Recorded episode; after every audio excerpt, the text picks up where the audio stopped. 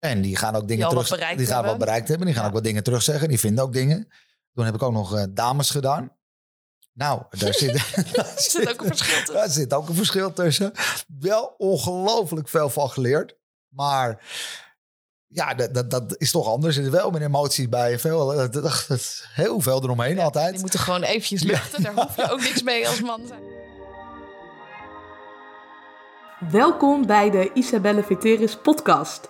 De podcast voor mensen die al heel veel weten over persoonlijke ontwikkeling, maar even power nodig hebben om in actie te komen. Ik ben psycholoog en in de topsport een van de sterkste vrouwen ter wereld geworden. En samen met experts leer ik je binnen een uur hoe je stopt met uitstellen en met een topsportmentaliteit in actie komt.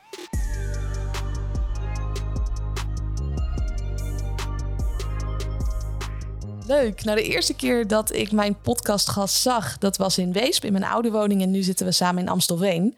Hebben we her en der, ik denk dat wij 2021, begin van dat jaar, voor het eerst contact hebben gehad. eh, gebeld, gesproken. En toen eind 2022, ja, halverwege 2022, denk Ja, ik, dat we zoiets, hebben ja. afgesproken.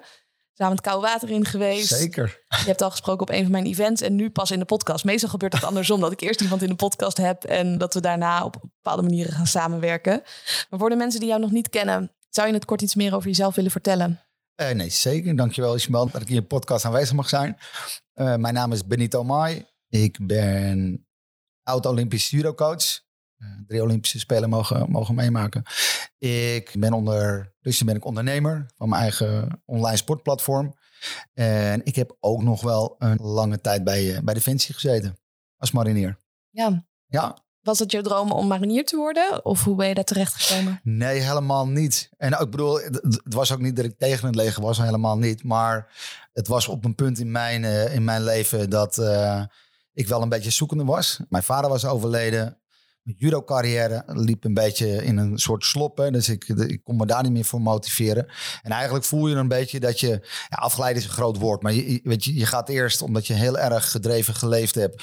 ga je denken, oké, er is zoveel anders in de wereld. Dat ga ik dus allemaal een beetje verkennen. Dus, eh, Gebruik je daar discipline voor? Precies, hè? dus precies veel stappen en dan eh, wat werken bij doen. En eh, nou, zo, zo le- de dag doorkomen. Dat had ik ook wel door. Van, dat dat moet je ook niet een jaar lang gaan doen. En, en ik zocht wel weer even iets waar ik terug in de discipline zou kunnen komen. Weet je, dus binnen het gereel. En ik weet wel hoor, ik zat in een... ehm, in de trein en ik had een, eh, een panorama had ik gekocht en ik zat in de trein en op weg naar Zandvoort om nog een mooie dag zeg maar op het, eh, op het strand te beleven. En daar zat zo'n klein papiertje in van nou, ja, wil je wat van het leven maken? Durf je de uitdaging aan? Kom bij het Korps Mariniers.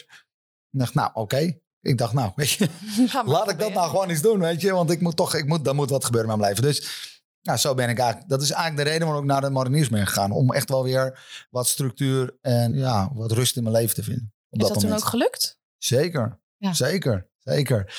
Ik weet nog wel dat je... ehm, Je moet ook even zo zien, dan, dat je, je, bent, wat- je bent jong, hè, dus je hebt ook een beetje een soort ego. Je komt ook nog een beetje vanuit die sport, dus je denkt het ook allemaal nog wel te weten. Hoe oud was je toen? Ik was 22. Ja, 22 voor mij. Ja. En ehm, ik, eh, ik stond op zo'n stationnetje ergens in Kralingen. En daar werden we, werden we opgepikt. En die bus komt voorrijden, een mooie grote blauwe bus, weet je. Dat echt, oké, dan stapt zo'n marinier uit. Je kent het wel, beret perfect op zijn op zijn hoofd. eh, goed opgerolde mouwtjes, alles klopt. Dus ik dacht nog, nou, goedemorgen. Het eerste wat hij ook zei was, bek houden zitten. Ik denk, oké, dit, is, Ken je plek? dit is even wat anders. Ja, dat is eh, wat het een beetje meebracht allemaal. Ja. Ik ben ook benieuwd. Ik hoor vaak bij ex-militairen dat ze daar die structuur heel goed weten te behouden. Omdat die externe factoren er zijn. Zoals een sergeant die tegen je schreeuwt of de groepsdruk. Maar dat op het moment dat dat wegvalt, dat die interne motivatie er niet is, die discipline. Hoe was dat voor jou toen je stopte bij Defensie? Wist je die structuur vast te houden en die discipline? Of... Ja, dat wist ik wel vasthouden. Ik zal.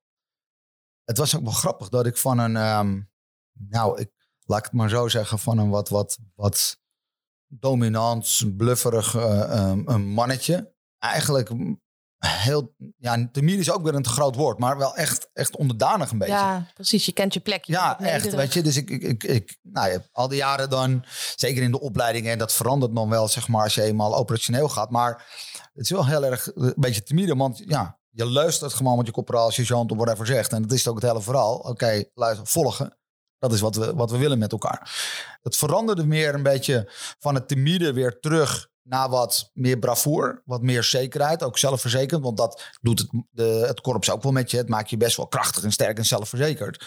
En dat kon ik, dat kon ik wel aardig doortrekken. Dat, uh, dat wel. En discipline, het gekke was, wat in mijn jeugd werd het eigenlijk ook altijd voor me gedaan. Dus ik wist helemaal niet zo goed of ik de discipline zelf wel had. Weet je? En bij het korps werd er dus eigenlijk ook weer voor me gedaan. Werd het ook weer bepaald. En in de topsport denk ik ook. Is zeker. En in de topsport uh, ook. Dus ik eigenlijk, nou, ik noem het maar misschien het beste dat je echt klaar was met die opleiding. Operationeel ging. Dan ontstaat er ook als marinier wat meer vrijheid daarin natuurlijk. En zeker daarna heb ik eigenlijk pas echt gemerkt dat ik de discipline zelf heel erg heb. Alleen of ik geloofde het niet, of mensen om me heen die geloofden dat niet. Maar daar pas kwam het echt wel naar voren dat ik dat juist wel heel goed kan. Ja, ik denk dat het ook afhankelijk is van je omgeving. Dus stel dat we bijvoorbeeld hier in deze woonkamer een bananenplant neer gaan zetten. Ja, die gaat niet groeien en bloeien, want het zijn niet de juiste omstandigheden. Maar op het moment dat jij wel bij de ideale omstandigheden bent, dan is daar ook ruimte voor. Dus ik heb vaak in de sport ook weinig discipline gehad. Want ik vond sport niet leuk genoeg. Ik heb gerugbied. En als iemand anders voor mij kon rennen naar de bal. Nou, liever iemand anders dan dat ik dat ging doen. Ik hoefde die punten niet per se te maken. Totdat ik het powerliften vond. En toen vond ik het heel erg gaaf. En toen was ik ook gemotiveerd om op tijd naar bed te gaan. Te focussen op rust en ontspanning. Maar ook uit mijn trainingen alles te halen. Dus ja, had ik dan geen discipline? Of ik denk dat iedereen wel discipline heeft. Of het die skill kan ontwikkelen. Nou, dat ben ik eigenlijk wel met je eens. Ja. Ik zit ook zo te denken dat ik groeide een beetje op in, ehm, in het gezin waar mijn broer deed al aan judo. En mijn vader die had gejudo'd, maar mijn broer was echt uh, ook een groot talent. Dus je, ik groeide daar, ik kwam daar een beetje in, in uh, groeide daarin op, kwam daarin mee. Maar ik kon ook wel aardig voetballen. En ik denk, ik zeg het ook wel eens tegen mijn kinderen, dat als, als mijn vader echt een keus had gelaten, ik denk dat ik had gevoetballen. Dat ik helemaal niet gaan judo. Ja. En dan had ik uh, misschien veel meer mijn eigen pad en mijn eigen weg daarin kunnen, uh, kunnen vinden. En misschien had ik daar, hoe goed, dat weten we nooit. Maar ik bedoel, dan had ik misschien die discipline veel eerder laten zien.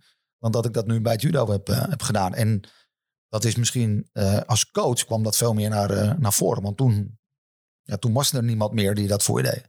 Ja. ja. Mensen denken vaak dat topsporters super gedisciplineerd zijn. Ik hoor jou eigenlijk tussen de regels door zeggen van... nou, ik was dat niet zo in het judo. Nee, helemaal niet. Nee. Zou je een voorbeeld kunnen noemen? Nou, ik, je moet wel zo zien dat ik. Um, uh, ik ben wel vrij vroeg, vroeg gestopt. Hè. Dus ik ben bij de junioren. Ik ben Europees kampioen junioren geworden. Begin een beetje de senioren nog gedaan, maar daarna gestopt. Maar ik wilde niet altijd uh, trainen. Ik vond het ook wel leuk om gewoon op het schoolplein. Dus ja, niet, niet te staan, maar of een beetje te voetballen. Of daar met de kinderen. weet je, met, met mijn vriendjes en vriendinnetjes daar te zijn. Weet je, ik. Laat ik het anders zeggen. Mijn, mijn broer. Mijn, ook wel mooi vooral. Mijn, mijn vader die dacht van, weet je wat? Ik boor gewoon van de ene kant van het huis en de andere kant soort of in de keuken uh, gaten. Dan zet ik een ijzeren balk uh, zet ik daarin. Dan hang ik een judopak overheen. Dus elke keer als de jongens zeg maar naar bed gaan, dan kunnen ze zich even optrekken aan dat judopak. Want dan worden ze sterk van. Dat heb ik gezien. Dat op tv doen ze in Japan ook. Dus nou, dat uh, vond mijn vader een fantastisch idee. Mijn broer deed dat elke avond. En ik was eigenlijk alleen maar bezig om te kijken van... oké, kijk die ouwe, kijkt hij niet. Als je niet kijkt, dan sneak ik heel, ja, snel, ja, ja. heel snel naar boven. En dan ben ik weg. En dan denkt hij, dan hoor ik hem wel in mijn gedachten ergens brommen... maar dan ben ik al weg. En, maar goed, dat had hij op zich natuurlijk ook wel door. Dus ik zag altijd door schuine ogen zo'n beetje kijken. En ik denk, nou oké, dan ga ik al... Het feit dat jij kijkt, daardoor weet hij waarschijnlijk al van... Precies. in de gaten aan te houden. Dus ik, ja, dat, dat, ja, dat zijn dat soort voorbeelden... waarin wel naar voren kwam dat mijn discipline... sowieso anders lag dan hoe mijn broer dat beleefde. Ja. ja. Ja, grappig. Want ik zie dat ook bij mijn eigen zus. Ik ben de middelste van drie. En ik heb onwijs veel discipline van mezelf. Of misschien de juiste omstandigheden gehad. Ja. En, en vroeg opgestaan. Mijn huiswerk netjes gemaakt. En mijn zussen die hebben dat wat minder gehad. Misschien dat ze wat later hun passie ook hebben gevonden. Of wat later hun passie gaan vinden. Maar voor jou lag dat in ieder geval niet in het judo. Maar toch ben je daar uh, relatief succesvol in geworden. Ja. Was dat talent dan? Of was dat nou ja, ik kon ook wel. Ik, ik, denk dat ik kon ook wel goed judo. Ja. Ik, had, ik had ook wel een bepaald talent natuurlijk. Dat had ik zeker. Ik denk dat het ook een beetje kwam op een gegeven moment. Dat, dat, dat heb ik nog wel, hè, allemaal. Dat je dan in een soort hokje eh, wordt gestopt. En, en met een beetje met andere woorden van... Oké, okay, Benito is er ook nog, soort of. Hè, en, en, maar die gaat niet winnen. En daar kan ik niet zo heel goed tegen. Als je wordt onderschat. Als ik onderschat word, ja. Ja. En, en, en dan ga ik toch op een of andere manier, komt er dan wel iets in me los. Dan denk ik, oké, is dat zo?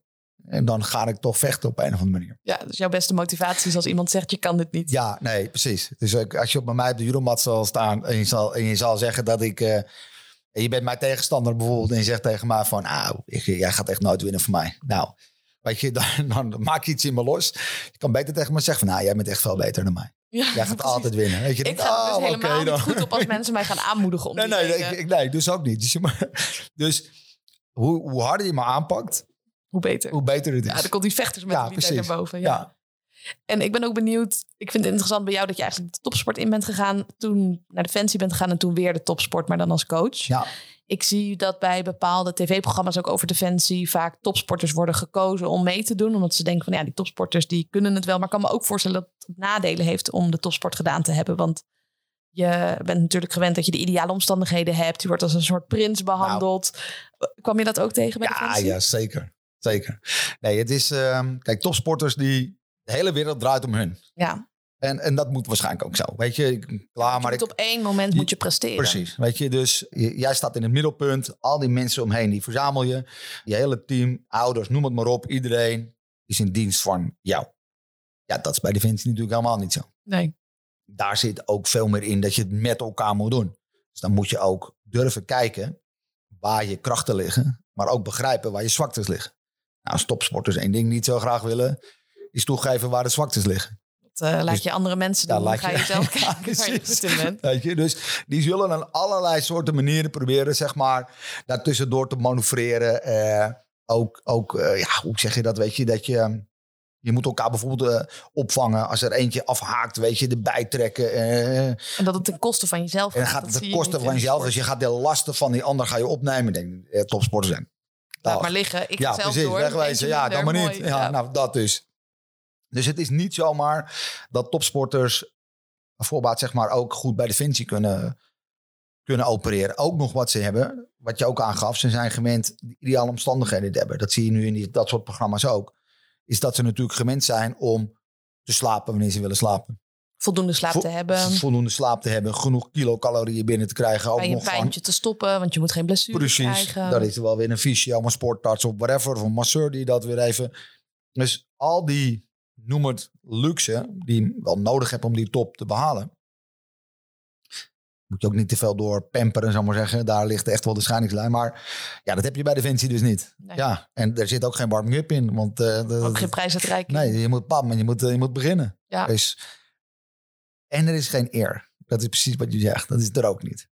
Nou, dus nee, topsporters gaan niet zomaar eventjes eh, bij Defensie eh Maar ik denk dat je er wel veel hebt geleerd en dat ook weer kan meenemen natuurlijk in de coachingswereld.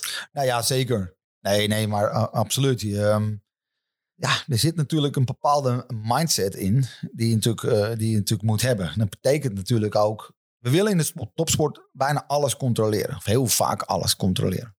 Dat werkt bij Defensie natuurlijk niet. Dus alle, daar waar je geen controle op hebt, moet je toch op een of andere manier mee om kunnen gaan. Dat moet je mee kunnen dealen. Nou, bij Defensie is dat altijd zo. Want niets is vooruit bepaald. Nee, je weet niet van tevoren welke grepen je tegenstander allemaal gaat doen. Of in mijn Nee. geval, powerlift is zo simpel. Nou. Je weet altijd dat die bar hetzelfde is, dat die gewichten hetzelfde zijn. Het is Ja. zo gecontroleerd. Nou ja, dat is het. Ja, Weet je, dus, nou ja, en dus die, zeg maar, die, eh, dat stuk dat je dus niet de controle daarop hebt, nou ja, dat is voor topsporters ook eh, moeilijk. Moeilijker misschien Moeilijker. wel. ja, want die willen dat allemaal. Alleen is het natuurlijk wel zo, je probeert het wel mee te geven. Ik bedoel, als je naar judo ook kijkt, hebben we natuurlijk, zeg maar, nou, de- richting de Spelen of, of eh, grotere toernooien, heb je daar ook altijd wel over. Want het is meer dan één keer voorgekomen dat koffers niet aankomen. Meer dan één keer gekomen dat er toch een, een file staat en dat je toch te laat bent op Schiphol. Of dat opeens op Schiphol, nou kijk naar de afgelopen tijd, dat er zoveel rijen staan. Ja, ik weet nog wel dat ik één keer in de topsport, toen was ik op trainingskamp naar Spanje geweest. Ja. En toen zou ik de week daarna het Nederlands kampioenschap bankdrukken hebben.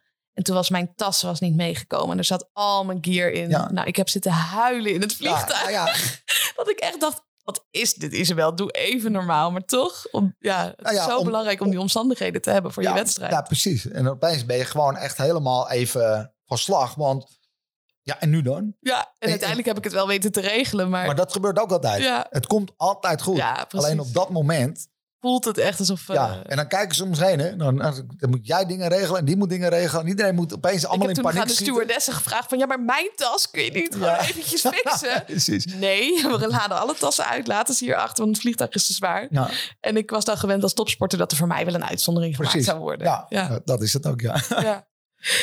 Wat was voor jou de reden om te stoppen bij Defensie uiteindelijk?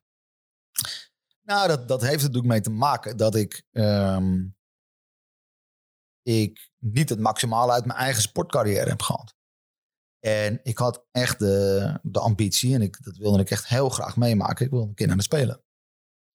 En ik had ook nooit verwacht dat die deur weer op een kier werd, eh, werd gezet. Dus ik had ook echt wel het idee dat mijn carrière ook bij, de, bij Defensie zou liggen. Totdat ik gebeld werd door Cor, Cor van de Geest. En mijn oude, oude eh judocoach ook. Die zei van, nou, Beniet, we zoeken voor een bepaalde dag, dat was de donderdag volgens mij, zoeken we een, eh, een, eh, een trainer. En eh, ben je geïnteresseerd?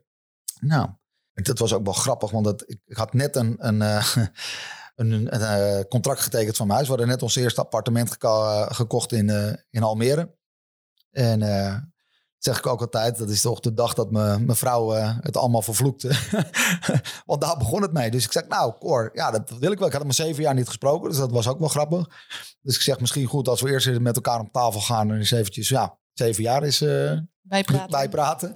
Nou, dat hebben we ook gedaan. Ehm, maar het was voor mij wel, ja, noem het maar de opening die ik, eh, ja, misschien diep van binnen wel, nou, wel naar verlangde. En dus die kwam er, ja, en toen ging het vrij snel. Want toen ging het van één eh, donderdag, eh, ging het naar eh, elke dag.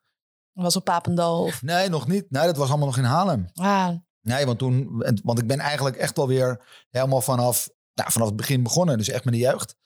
En dus toen werd jeugdtrainer, weet je, nou ja, hoofdjeugdopleiding en zo, hoofdtrainer. En toen kwamen de, de functies bij de bond, weet je, talentcoach, pre-olympisch coach en zo. Dus dat hele traject, hè, dat heeft alweer een jaar of twintig geduurd. Ja, Ja. maar dat was wel dat ik, kijk, en ik moet ook eerlijk toegeven dat ik, ik vond het bij Defensie fantastisch. Maar ik zag ook wel de, de nadelen. Ik zag ook wel, zeker bij de mariniers, weet je, dat ja, zeg maar corporaals of sergeant, vooral sergeants die zeg maar op een jaar of eh, nou 50, ik ben nu ook bijna 50, met versleten knieën en een versleten rug en dan toch weer zeg maar het veld in moesten met, eh, ja, met, met gasten van 23 jaar. Dat ik dacht van ja, weet je, als, dat moet ook niet mijn toekomstbeeld zijn, want Nee. ik wil ook heel graag kinderen. Het lijkt me toch leuk dat ik daar nog gewoon een beetje mee kan ballen en, eh, en alle leuke dingen kan doen. En met mijn kleinkinderen, weet je. Dus ik, dat was ook wel dat ik zag. Nou, dus ik, ik en soms ben je ook wel weer toe aan een, eh, aan een volgende fase. Dus dat, Ja, dat had het ook. Je wilde, als ik je verhaal zo hoor bij Defensie, om die discipline te leren, Ja. die structuur te krijgen. En als je dat ook gekregen hebt en je vindt niet echt een nieuwe missie daarbinnen, dan is het misschien ook wel weer tijd om naar Nou, maar dat was het denk ik ook. Ik, ik had dat, het, de rust was gevonden, precies wat Ja. je zegt. Ik, eh, ik zat zelf goed, eh, goed in mijn vel, alles, eh, alles klopte. En eh, ja, en toen kwam die opening. En misschien is dat ook wel, hoe zeg je dat, dat, je, dat het dan ook op je pad valt. Dat gebeurt niet voor niets. Nee, precies. Nou ja, dat gebeurde dus ook. En dan heb je een keus, ja, stap je er doorheen of, of blijf je toch zitten waar je zit? Nou ja, ik stap er doorheen. Ja, Defensie was wellicht ook een beetje je comfortzone geworden. Ja, zeker. En ehm, Oh ja, nee, maar dat klopt helemaal. Want op een gegeven moment was ik natuurlijk van de Mar mariniers overgestapt naar de Marseille. En dan gaven we de, de IBT-lessen, de sport- en de aanhouding- aanhoudingslessen.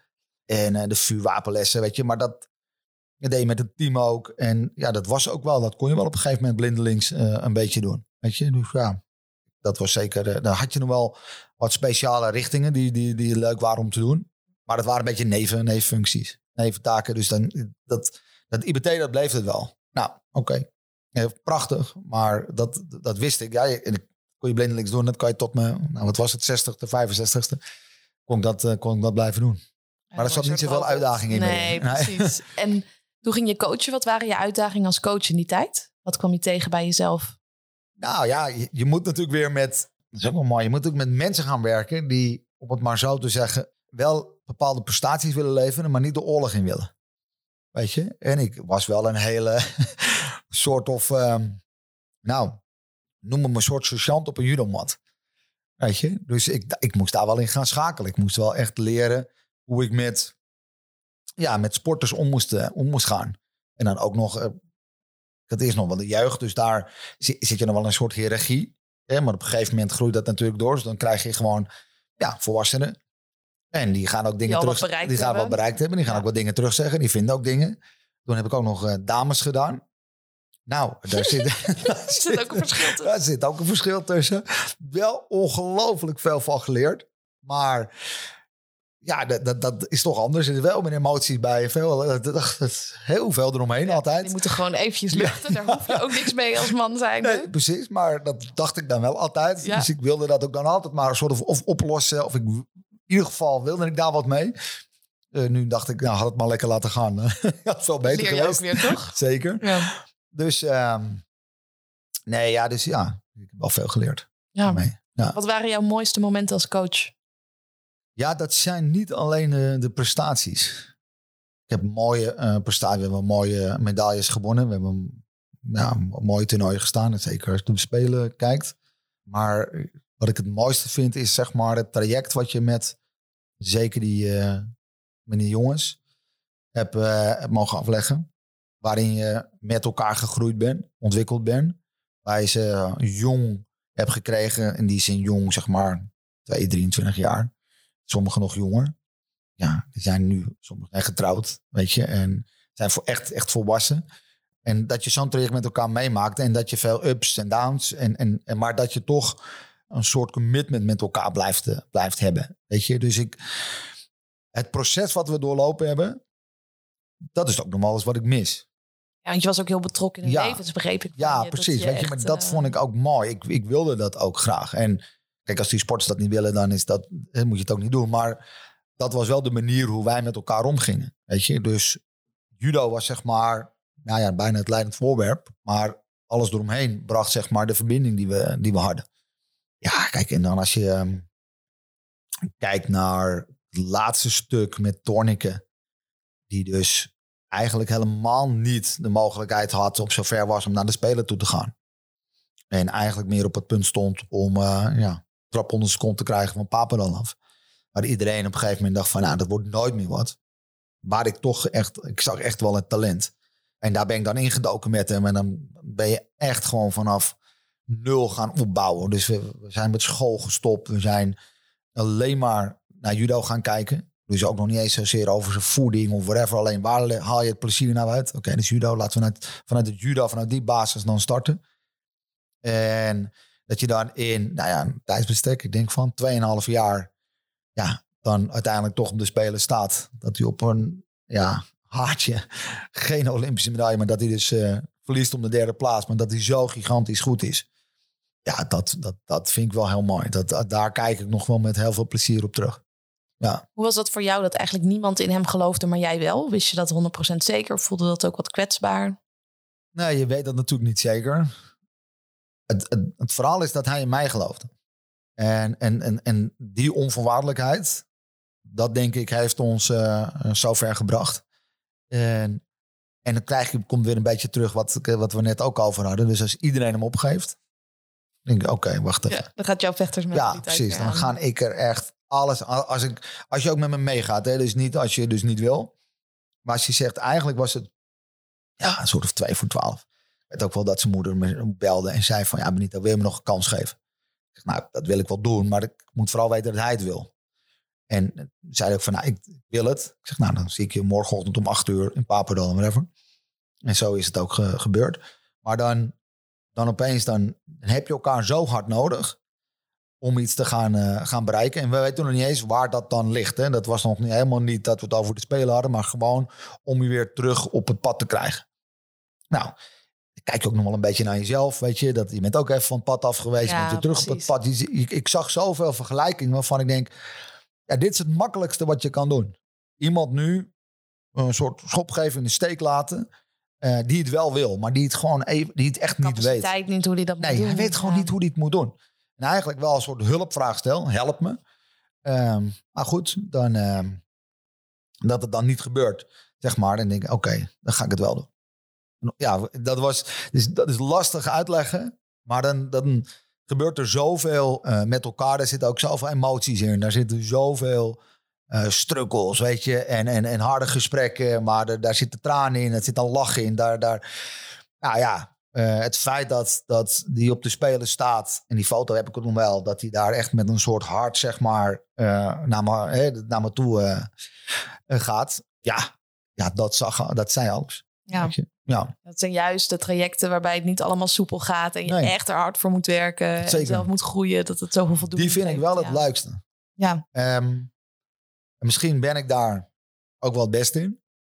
In die zin. Want dat had ik eigenlijk ook met, met Birgit naar Londen. En lichtgewicht dame. Die, ja, geloofde ook niemand dat ze de Olympische Spelen zou halen. En daar zijn we ook de hele wereld rond gegaan. Om maar punten te verzamelen. Om, want we hadden niet zoveel lichtgewichten, zeg maar, in Nederland. Zeker niet voor die dames. Dus het was zo lastig trainen voor haar. Alles moest op power. Maar in het gewicht zelf ging heel veel op snelheid. Dus we moesten er wel uit. Dus dan gingen we met z'n tweeën naar, naar overal maar heen om stages, om maar met die lichtgewichten te trainen. Dus je ging echt een soort alternatief pad ging je volgen of creëren, om dus uiteindelijk het uiteindelijke doel maar eh, te realiseren. Dus ja, als ik het zo een beetje terugkijk, dan heb ik niet de makkelijkste. Maar dat is misschien ook wel het beste voor mij. Ja, precies. je Ja. moet die uitdaging Ja, een beetje zeker. hebben. Ja, ja. Ja, gaaf.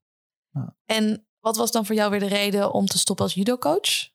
Nou, ik denk ook dat je. Er zijn een aantal eh, factoren natuurlijk. Het gaat ook wel een stukje over, over waardering. Die vond ik dat ik te weinig heb gekregen. En dat gaat me helemaal niet over eh, geld. Of het gaat me ook helemaal niet over, hoe zeg je dat, positioneringen. Maar gewoon, ja, spreek het uit of zo. Weet Ja. je, gewoon dat. Gewoon dat je, Te zeggen dat ze blij met je zijn. dat je blij, met, dat je blij met zijn. Maar dat ze ook, eh, ja, respecteren, respecteren wat je, hoe je het gedaan hebt en waar je voor staat. En, en, en hoe je ambitieus en gepassioneerd, zeg maar, elke keer bent en whatever. Dus nou, dat miste ik wel. Dat, is- dat was één. Dan krijg je, zoals bij een bond altijd, het was weer een nieuw contract. Dus dat was ook zoiets. En dan krijg je een jaarcontract. En dan zegt, nou moeten we eerst aan elkaar winnen. Ik zit er al twintig jaar bij. Ja, eh, zoiets. Ja, dat, dat, daar kom je dan niet helemaal in. Nee, dat snap ik dan niet helemaal. Dan kan je beter zeggen, nou, het wordt hem niet. Maar als we het wel doen, ja, dan weten we wat we aan je hebben. Dus dan gaan we gewoon voor vier jaar naar de Spelen. Ja, we gaan in voor een duurzame relatie. Tuurlijk. En, ja, Snap ik helemaal niks van.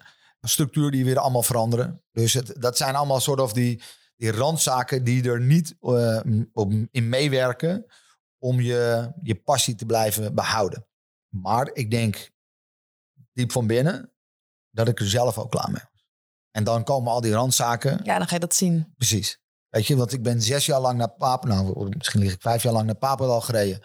Geen probleem. Stapte s morgens vroeg uit mijn bed, stapte in de auto, podcastje aan, s'avonds weer terug. Dat maakte me echt niet uit. Alleen dat laatste stuk, zeg maar, na de Spelen, naar, eh, zeg maar, dat, eh, naar januari toe. Ja, toen was dat echt, eh, toen zag ik ook alles. Voelde ik ook alles. Maar dan is het wel lastig om dat los te laten.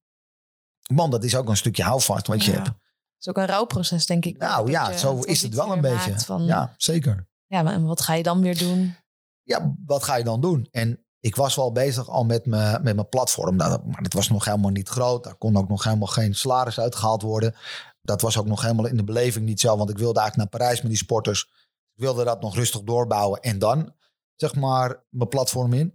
Maar ik kon het gewoon niet meer, eh, niet meer opbrengen. En dan moet je ook wel eerlijk zijn.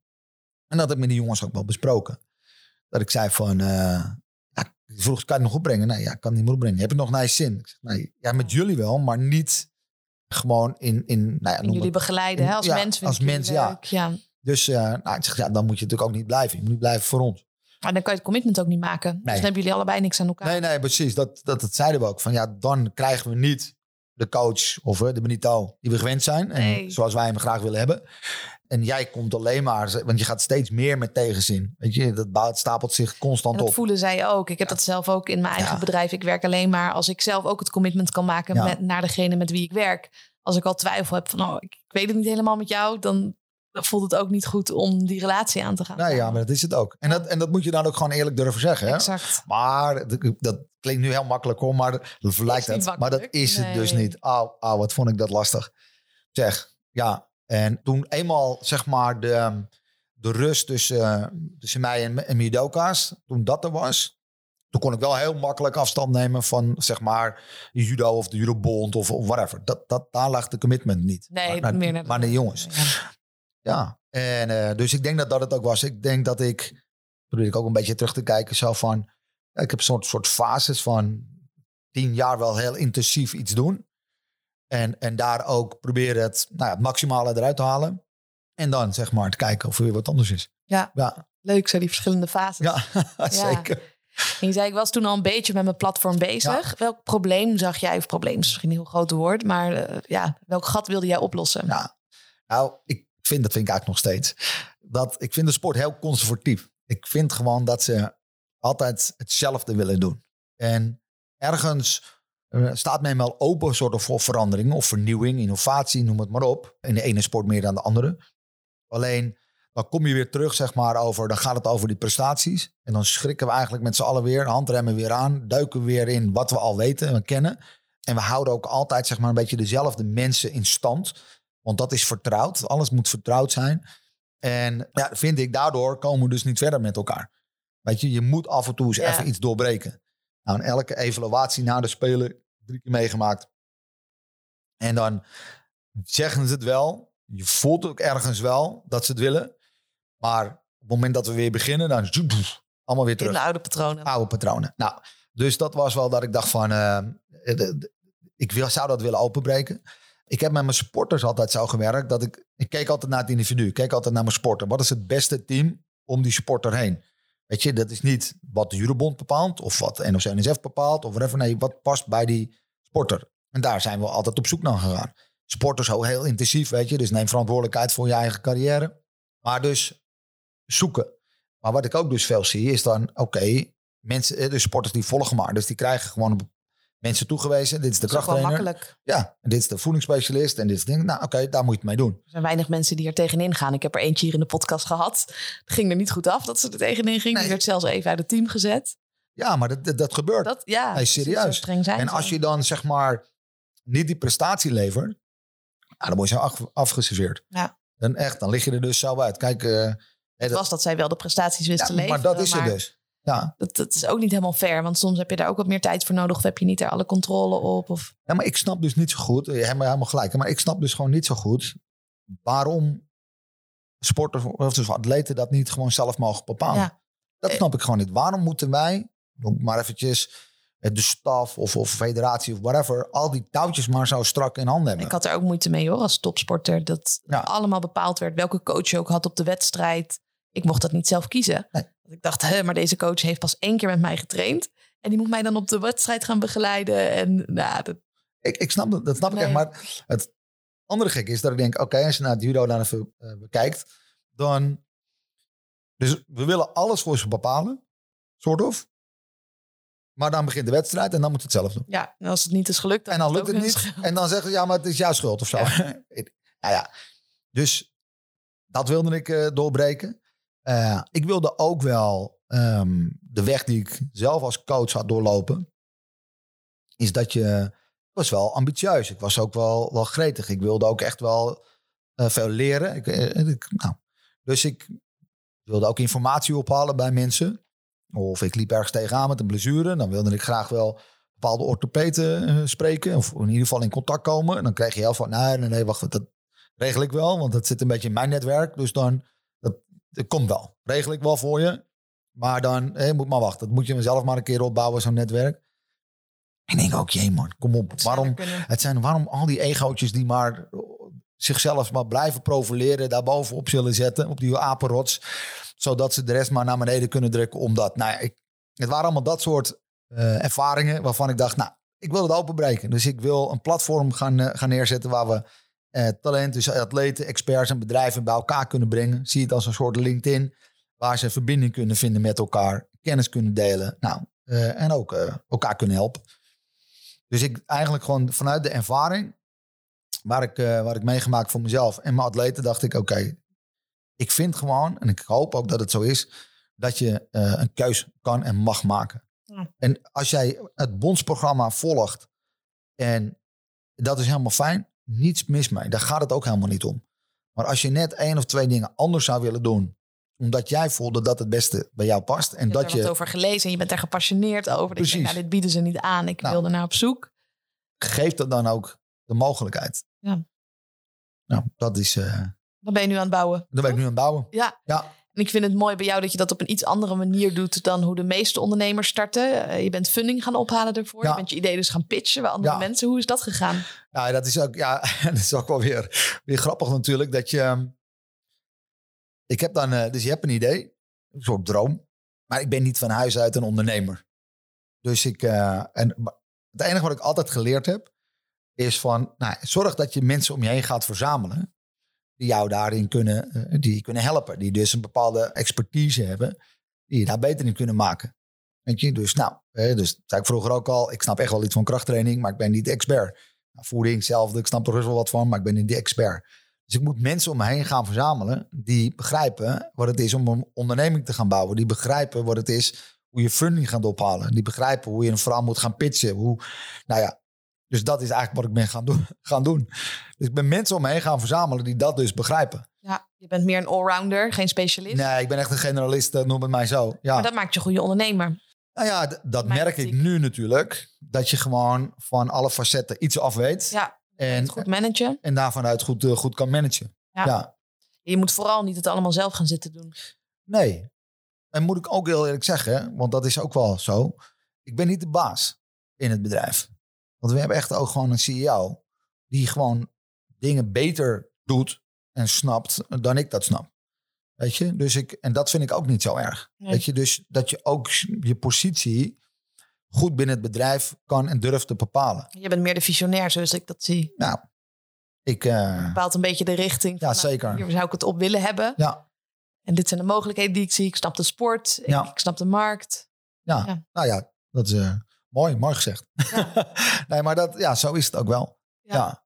En gewoon de, de, noem het maar de harde cijfers. En nou, dat zijn andere mensen die dat veel beter kunnen. En Maar het is wel mooi dat ik ze weer om me heen heb kunnen verzamelen. Ja, Ja, hoe lukt dat je, denk je? Ik, ik zie vaak dat ondernemers moeite hebben met een team bouwen. Zeker ook in deze tijd. Er is een arbeidstekort. Dus dan is het juist het, Ja. het menselijke, denk ik, wat eh, maakt of ze wel of niet voor je willen werken. Dus wat is het dat ze zo graag voor jou willen werken? Ja. ik denk dat ik... ehm, moet ik even nadenken. Ik, ik wou zeggen me makkelijk op de omgang, maar dat is ook niet zo. Ik, ik kom, ik, ik weet niet, ik kom wel op een of andere manier makkelijk binnen. Mensen voelen wel mijn, eh, mijn passie. Voelen mijn ambitie, voelen mijn passie. Dat is wel grappig, want normaal gesproken heb ik hele harde kaders. Als iemand twee keer niet komt opdagen bij een afspraak, dan is het exit. Ja, Nou ja, bij jou was het anders. Ja. Dat ik toch dacht, ik weet het niet. Ik heb toch eh, je hebt een bepaalde sympathie over je heen. Of, Ja, dat heb ik. Op een of andere manier, dat klopt. Dat, dat, dat- ik bedoel, ja, dat zal ik niet zo heel snel van mezelf zeggen, maar ik, ik voel wel dat dat zo is. ja, En, en ik denk dat ik echt mensen eh, dus ook in hun kracht wil, eh, wil zetten. Dus het, het gaat echt niet om mijn ego. Weet je, dus dat, ik denk dat dat ook wel belangrijk is. Mensen voelen gewoon dat ze ehm, bij mij eh, of met mij ook de ruimte krijgen voor hun eigen ontwikkeling. En dat ik ze ook eh, mee wil nemen. En ik zeg altijd ook een beetje het verhaal van... als een leider loop je, loop je soms voorop, soms loop je in het midden, soms loop je achterop. En de sterkste lopen meestal achterop. Want als ze dan afhaken in je team, hè, ze beginnen af te haken in je team, kan je een duwtje je kan je ze een geven. duwtje geven, Ja. dan vang je ze op, pak je ze weer bij. Dat is een beetje natuurlijk wat je bij de mariniers hebt geleerd. En, en ik denk dat, eh, nou, ik denk dat daar wel mijn grootste kracht ligt, dat ik dat goed kan. Ja. Naar deze podcast luisteren ook ondernemers die met een team werken. Wat zou je hen mee willen geven op het moment dat ze struggelen, bijvoorbeeld met de juiste mensen vinden of die relatie goed houden met het team?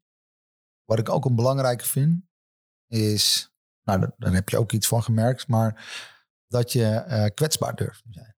Ik vind dat je dat, ja, Ja. toegesproken op het event. Ja, Geen gelikte presentatie, Nee. geen voorbereiding zelfs, maar gewoon je pure eerlijke verhaal. Iedereen die hing een uur lang aan je lippen. Het was zo Ja. bijzonder om te zien. dat je, dus je moet oprecht zijn. Ja. En ehm, ik denk als je dat naar je team uitstraalt, dat je dus nogmaals oprecht, dat je kwetsbaar durft te zijn. Dat je nogmaals, wat ik ook net zei, dat je durft te positioneren. En dat je het dus met elkaar doet. Dat, dat klinkt allemaal heel soort of logisch en makkelijk. Maar dat, dat is het dus niet. Want het betekent echt af en toe dat jij dingen uit handen moet geven. En dat er ook wel eens dingen fout gaan. En die laat je dan ook gebeuren. En dat is dan te repareren met elkaar, zou ik maar zeggen. Dus, maar ik, dat, dat is eigenlijk denk ik wat ik het meeste zou willen meegeven. De kennis is er genoeg. Weet je, de, ergens heb je al die, al die stappen al genomen. Eh, alleen je moet zorgen dat je team met je meegaat. Je Je kan het niet alleen. Je kan het dus niet alleen. En, en als je maar wil dat zij, weet je, als je alleen maar voorop wil lopen de hele tijd. En iedereen moet maar achter jou aan. Dan op een gegeven moment dan ze kwijt. mensen kwijt. Want je kijkt waarschijnlijk ook nooit meer terug. Dus op een gegeven het moment. alleen maar irritant. Dat zie ik ook wel bij bepaalde Ja. ondernemers. Dan eh, ja, vinden ze eigenlijk het team niet goed genoeg. Nee. Maar ze hebben ze wel nodig. Dus ze proberen ze wel mee te slepen. Ja, dat, dat werkt Nou ja, maar dat is het. En dan, dan voel je al dat dat niet oprecht is. Want je hebt, maar, al- ja, je hebt me nu nodig. Als je me direct niet meer nodig hebt, gezien en niet gewaardeerd. laat je me zo vallen. Ja, Ja. Nou, dat is natuurlijk een beetje waar ik het ook over had bij de Judobond. Weet je, dus dat gevoel krijg je dan. Nou, oké. En dan, ja, dan ga je niet meer eh, de volledige inzet geven. Dan ga je niet meer al je passie en energie, zeg maar, ook daarin eh, erin geven. Als je dat dus niet terugkrijgt van. En nou ja, het, laatste, maar dat is ook wel een beetje wat je natuurlijk hebt bij Defensie. En noem het zo over practice what you preach. Weet je, dus wat je vraagt van de ander, nou, zorg dat je dat zelf ook doet. ja die integriteit Ja. die staat bij mij ook op één in het Ja. bedrijf. Doe wat je zegt en zeg wat je doet. Ja, dus dat, eh, dat ook, weet je. Want dan, eh, ja, dan nogmaals, dan geloven ze je ook. Ja. Ja. Dus het is niet zozeer wat je werkinhoudelijk allemaal alleen maar kan bijdragen, want daar geloven ze wel in. Want daarvoor komen ze ook wel bij je werken. Maar het is van, hoe zorg ik ervoor dat ze met me meegaan? En blijven werken. En blijven werken, ja, Ja, precies. en zich inzetten. Ja, absoluut. Ja. Ja, mooi. Waar gaat jouw toekomst naartoe? Wat zijn jouw doelen voor de komende tien jaar? Want er is eigenlijk een nieuwe fase weer voor je aangebroken. Ja, Waar zou je het platform naartoe willen hebben? Nou, ik, ik zou. ehm, we hebben natuurlijk ook wel veel onderzoek gedaan. We hebben campagnes gedraaid. We hebben ehm, veel sporters uitgenodigd bij ons op kantoor. We hebben ouders uitgenodigd bij ons kantoor. Echt gevoeld en geproefd, zeg maar, waar de grootste pijn ligt. En nou, die, die blijft gewoon liggen bij de funding. Zeg maar. eh, voor de sporters. voor de sporters. Dat het financieel op een gegeven moment onmogelijk wordt om, eh, om ja, die sport te blijven bedrijven. Ook voor ouders, om te zeggen. Echt dat je denkt, ja, is mogelijk. Weet je, eh, ja, gescheiden ouders die, die op zich allebei nog steeds heel veel hè, ondersteunen. Maar ja, gewoon tegen een pla- bepaald plafond aanlopen, waardoor het, het kind het niet meer, ja, niet meer kan. Ja. Weet je? Nou, en, dat is, en dat zou ik eigenlijk wel willen, willen eh, kijk, oplossen is een groot, eh, groot eh, vraagstuk, maar ik zou wel daar een hele grote bijdrage aan willen leveren. Dat ik, en, en dat doe ik niet alleen, hè, er zijn zowel van mijn team, maar er zijn ook externe platformen die daar al heel, heel ver, ver in zijn. Maar het mag natuurlijk nooit zo zijn dat de financiën zeg maar bepalen of je wel of niet topsport ja, mag dan gaan bedrijven. niet de talenten winnen. Nee, Dan Precies. degene met de rijkste ouders. nou, dat is het. En da daar moeten we echt voor, eh, voor waken. En ik ehm, zou het heel mooi vinden als we voor die toppers die ehm, op een gegeven moment stoppen met een carrière, iets hebben kunnen eh, creëren, waardoor ze, noem het, een soort transitiegeld hebben. Noem het voor twee jaar. Dat ze dus rustiger hun sport kunnen afbouwen. Daarop even kunnen, kunnen leunen. Veel meer hun maatschappelijke positie ook kunnen gaan bepalen. Maar dat daar even wat tijd voor ze eh, gecreëerd wordt ook. Want ja, we weten allemaal, als je die top wil halen, dan, dan moet je ook heel veel aan investeren. Dan, daar, daar, daar, ja, dat is een ander leven wat, we, wat, een, wat iemand anders doet. En je ontwikkelt je ook weer minder op andere punten. Ja, weet je, en die transitie is gewoon even lastig. Want je, je moet ook alles wat je gewend bent, vertrouwd bent, om je heen verzameld hebt. eh, ook financiën, alles is gerelateerd naar die sport. Ik ben Identiteit. een topsporter, zeggen ze. Ja, nee, maar dat klopt helemaal. Dus, en dan, dan eh, op een gegeven moment geven ze dan ook aan, oké, ja, ik stop. En dan valt ook alles weg. Ja. En dan is er niets omheen eh, eh, gerealiseerd. Nou, ik geloof niet dat het mogelijk is, maar eh, ik hoop het, maar ik denk niet dat het mogelijk is om echt een heel pensioenpotje op te bouwen. Maar als je wel een soort transitie eh, geld kan gaan creëren, waardoor je echt die twee jaar even even op adem kan komen, even tot rust kan komen, wetende dat het financieel wel goed zit. En dan kan je je weg in ieder geval vinden. bijdrage is, al heb je 1000 euro in de maand. En Nou dan ja, nog een paar dagen erbij te Precies. werken. Dat scheelt al. Ja, dat zou, eh, nou, dat zou wel echt ja, toekomstgericht, eh, dat zou ik wel willen realiseren. Ja. ook fysiek denk ik, dan heb je de ruimte om het af te bouwen. Als je eerst twee keer per dag traint en dan ga je ineens naar, ik veel, drie keer in de week. Dat Ja. is, is voor je lijf ook niet goed. Nee, maar dat is het ook. Hè? Dus dat, je wil ook dat ze gewoon rustiger kunnen, kunnen afbouwen. En dat ze ook de sport waar ze zo lang in hebben, hebben gezeten, wat zo lang een onderdeel van hun is geweest, ook met een, ja, noem het even gewoon een, een, een rustiger hart kunnen laten gaan. En dat je niet, want ook dan voelen ze zich wel eens in de steek gelaten. Want we waren er allemaal toen ze kampioen Ja, Stonden op de meer. barricade. En nu hebben ze eigenlijk ons even nodig. En nu trekken we ons handen ervan af, pakken we de volgende talent, gaan we daarmee aan de slag. En daar staan ze dan. En dan krijg je best wel een soort ja, gevoel van, van, van ook een beetje onmacht, maar ook gewoon ja, boosheid naar die sport toe. En dat vind ik zonde. Ja, Ja. moet ook een goed plekje krijgen. Ja, dat je zeker. Met plezier Ja. kan terugkijken op die carrière. Ja. Absoluut. Ik ben ook benieuwd tot slot. Ik ben groot fan van mindset. En natuurlijk is sport ook trainen, fysiek gezien. Maar mentaal, ik denk dat dat stukje ook vergeten wordt. Hoe zie jij dat? Ja, dat, dat, dat is absoluut zo. Kijk, het vooral van, van de, de mindset of het mentale gedeelte, dat wordt bijna altijd pas naar voren gehad of gedaan op het moment dat het moet. Dus of we presteren slecht en eh, Stagnatie. stagnatie of eh, nou, misschien ook nog wel eh, privéomstandigheden. maar altijd op het moment dat je het ook nodig hebt. Zeg maar. Niets is preventief. Ik denk dat we daar veel, veel meer uit, uit kunnen halen. Dat we dat veel meer kunnen leren ook. Maar ook vanaf jongs af aan al. Weet je? Dus ik, ja, ik waarom, kinderen kunnen ook mediteren. 100 procent. Ik ben met Krav Maga nu begonnen. Dan Ja. doen we ook ademhalingsoefeningen. Of dan wordt ook verteld bij bepaalde Ja. oefeningen waarom we daar moeite mee hebben. Dus waarom hebben we moeite met mensen slaan? Omdat het niet natuurlijk is. We zijn geconditioneerd om dat anders te doen. Maar in het dagelijkse leven mogen we bijvoorbeeld ook meer grenzen aangeven. Nou, hoe gaaf als we dat ook in de sport kunnen implementeren om op die manier te teachen. Nou ja, zeker. Weet je, dus nou, eh, dat soort dingen dus. En ook van, nou, het is misschien ook wel mooi dat je vanuit andere sectoren kijkt hoe zij daarmee omgaan. En dat ook is vertaald naar de, naar de sport. Want dat vind ik ook nog wel eens dat je, er wordt heel vaak gezegd van, eh, eh, een voorbeeld te noemen, dan wordt een topsporter die stoppen. En die gaat het bedrijfsleven dan vertellen. Ehm, wat, eh, ja, wat, wat ze geleerd hebben met topsport en hoe ze dat binnen het bedrijf misschien zouden kunnen toepassen. Nou, fantastisch. Ik zou het ook wel eens mooi vinden. Als nou eens een ondernemer Exact. een topsporter gaat vertellen hoe hoog zijn druk is en hoe hij daar nou mee omgaat. En als hij die targets moet halen en of die sales en, of hij, en de druk die hij hebt als je een eigen onderneming hebt. En daarnaast ook nog al die andere ballen die je Nou ja, precies. houden. Dus dan nog een gezin hebt en, en nou ja, whatever, weet je. Want dat is ook mindset. En hoe gaat die daar dan mee om? Want, nou, en dan, ik denk dat we daar ook nog veel meer, weet je, de soort kruisbestuiving bij elkaar kunnen, kunnen brengen. Het begint wel gewoon met het begrijpen dat het een essentieel onderdeel is. En dat je het En niet moet erkennen doen. daar ook van. Precies. En het belang daarvan inzien. En er wordt vaak onterecht gedacht van... Oh, als je gek bent, dan moet je aan je mindset werken. Of als er problemen zijn. Ja. En anders, ja, dat heb je toch niet nodig. Nee, maar het zit ook wel... Het zit ook een beetje verweven in, de, in, in soms, hè? Ook wel in mensen. Ja, weet je, van, ah, dat heb ik helemaal niet nodig. Ja. Helemaal niet nodig. Er zit nog een groot taboe op mindset. En nou ja, ik, dat vind ik ja, bij- best wel on, eh, ja, begrijp ik niet helemaal. En ik denk dat we dat ook weer, ja, noem het een beetje, het is echt aan de jeugd. Laten we dat nou eens doorbreken. Laten we ze dat nou gewoon eens leren. Laten we dat eens meenemen. Net zoals ze dus leren hoe ze moeten krachttrainen, hoe ze moeten, de voeding moeten doen, hoe ze slaap moeten doen. Maar maak het dan nou, ja, noem het bijna zo'n holistisch pakket, maar maak dat dan eens daar ook, eh, zet dat daar ook eens in. En leer ze het gewoon. Leer met mijn ademhaling omgaan.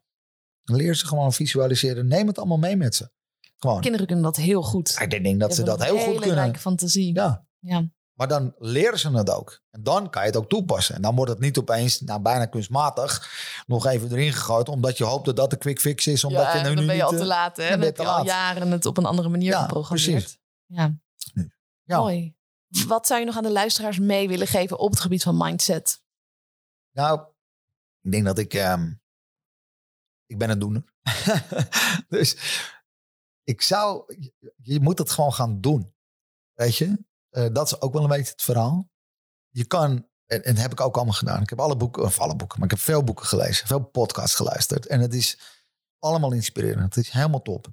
Maar uiteindelijk moet je keer beslissen dat je het ook gaat doen. Ja, informatie kan ook een soort druk zijn. Ja, Dat kan je de hele tijd bezighouden. Het Ja. geeft een goed gevoel, inzicht naar inzicht. Ja. Maar uiteindelijk, als je er niks mee doet, dan behaal je ook geen resultaat. dat, dat is het En ook. dan kost het alleen maar energie om Ja. die informatie op te doen. En gaan het doen, gaan het ervaren, gaan het ook. Weet je, dat is ook weer een heel proces voordat het echt goed in je lijf zit en dat het echt die, die, die, die meerwaarde oplevert. Maar ga dat gewoon eens eh, doen. Dus ik, eh, Ik zou nog, dat is eigenlijk wat ik ook uh, wil meegeven dan. Lees erover, luister ernaar, maar ga het ook doen. Ja. Laten we hem daarmee afsluiten. Dankjewel. Dankjewel. Dankjewel weer voor het luisteren naar deze podcast. Als je me zou willen helpen door dit te delen op social media, door een review te plaatsen van 5 sterren, door een reactie te geven, dan zou ik dat echt super fijn vinden en dan ben ik je daar enorm dankbaar voor. Als je deze podcast luistert, dan betekent het waarschijnlijk ook dat je bezig bent met je persoonlijke ontwikkeling. Dat je al heel erg veel misschien erover weet, maar dat het je niet lukt om in actie te komen.